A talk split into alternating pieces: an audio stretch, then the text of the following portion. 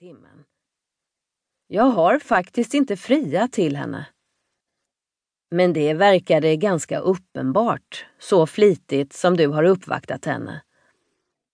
Hertigen krökte cyniskt på läpparna medan han sade Om du frågar mig så var det jag som blev uppvaktad.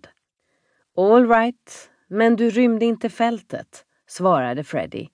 Du ställde till med bjudningar för henne i London och ute på landet och du dansade minst fyra eller fem gånger med henne på balen på Windsor Castle.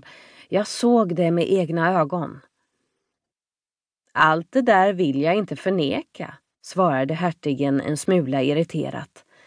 Men vad jag vill säga dig, Freddie, är att jag plötsligt insåg igår kväll att Imogen, hur söt hon än må vara, har en treårings hjärna.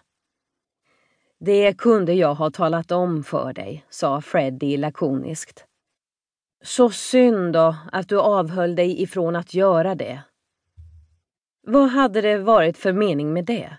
Du skulle i alla fall inte ha lyssnat till mig. Du var alltför upptagen av att använda dina ögon istället för dina öron när det gällde henne. Det var just precis det som jag kom underfund med igår kväll. Det uppstod ett ögonblicks paus och sedan sa Freddie Det är väl bäst att du berättar allt sammans för mig. Hertigen drog ett djupt andetag. Jag dansade för tredje gången med Imogen på Richmonds bal och sen gick vi ut i trädgården. Det var månsken, det hängde kinesiska lyktor i träden och där fanns alla romantiska tillbehör och jag var just på väg att kyssa henne när hon yttrade någonting. Vad sa hon? frågade Freddie nyfiket. Det kommer jag faktiskt inte ihåg, svarade hertigen.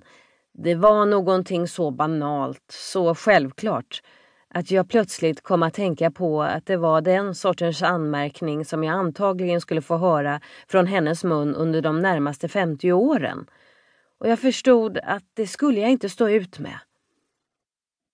Men allt det där kunde du väl ha kommit underfund med tidigare? Jag vet, jag vet, sa hertigen irriterat.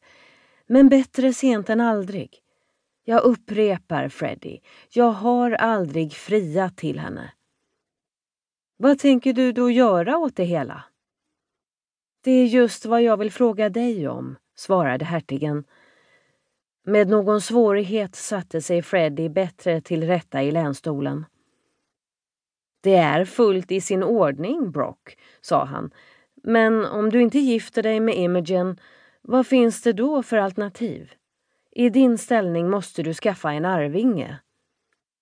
Det är gott om tid för den saken, svarade hertigen. Jag vet det, men om det inte blir Imogen så måste det bli någon som är mycket lik henne. Herregud, vill du påstå att alla kvinnor i Le Beaumont är lika dumma och enfaldiga som hon? Det är de nog i den åldern, sa Freddie eftertänksamt. Som du mycket väl vet kommer de ut från skolan med bara en enda fix idé i huvudet. Att de ska bli gifta, insköt hertigen. Ja, just det med den som bjuder högst och vem skulle kunna bjuda högre än en hertig? Jag vill inte, sa hertigen ilsket. Det uppstod en stunds tystnad innan Freddy svarade. I så fall, om du inte är beredd på det värsta, det vill säga Wentowers vrede och Imogens tårar, så är det nog bäst att du försvinner härifrån. Hela natten har jag legat och funderat på om det är det jag borde göra. Vart hade du tänkt dig i så fall? Hertigen ryckte på axlarna. Spelar det någon roll? Som du vet så äger jag ett halvt dussin hus i olika delar av landet och sen har jag min lustjakt i hamnen i Folkestone.